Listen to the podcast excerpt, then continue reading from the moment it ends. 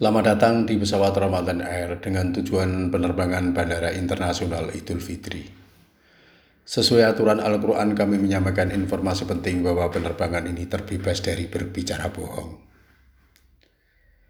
Pesawat Ramadan seri 1442 Hijrah ini akan terbang selama 30 hari, diperkirakan akan lepas landas pada 13 April dan mendarat 13 Mei 2021 dengan ketinggian jelajah 942 juta kilometer dengan kecepatan rata-rata 37.000 km per jam.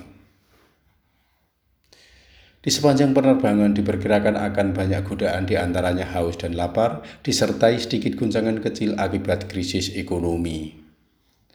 Pesawat ini dilengkapi tiga pintu keberuntungan, satu pintu magfiroh ada di depan, satu pintu ampunan ada di tengah, dan satu pintu terbebas dari api neraka ada di belakang.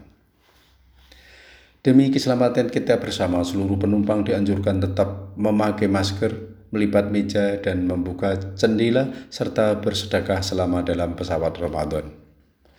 Kami Sketsa Literasi Indonesia sebagai senior pramugara PT Inti Prima Aksara siap membantu Anda selama penerbangan Ramadan ini.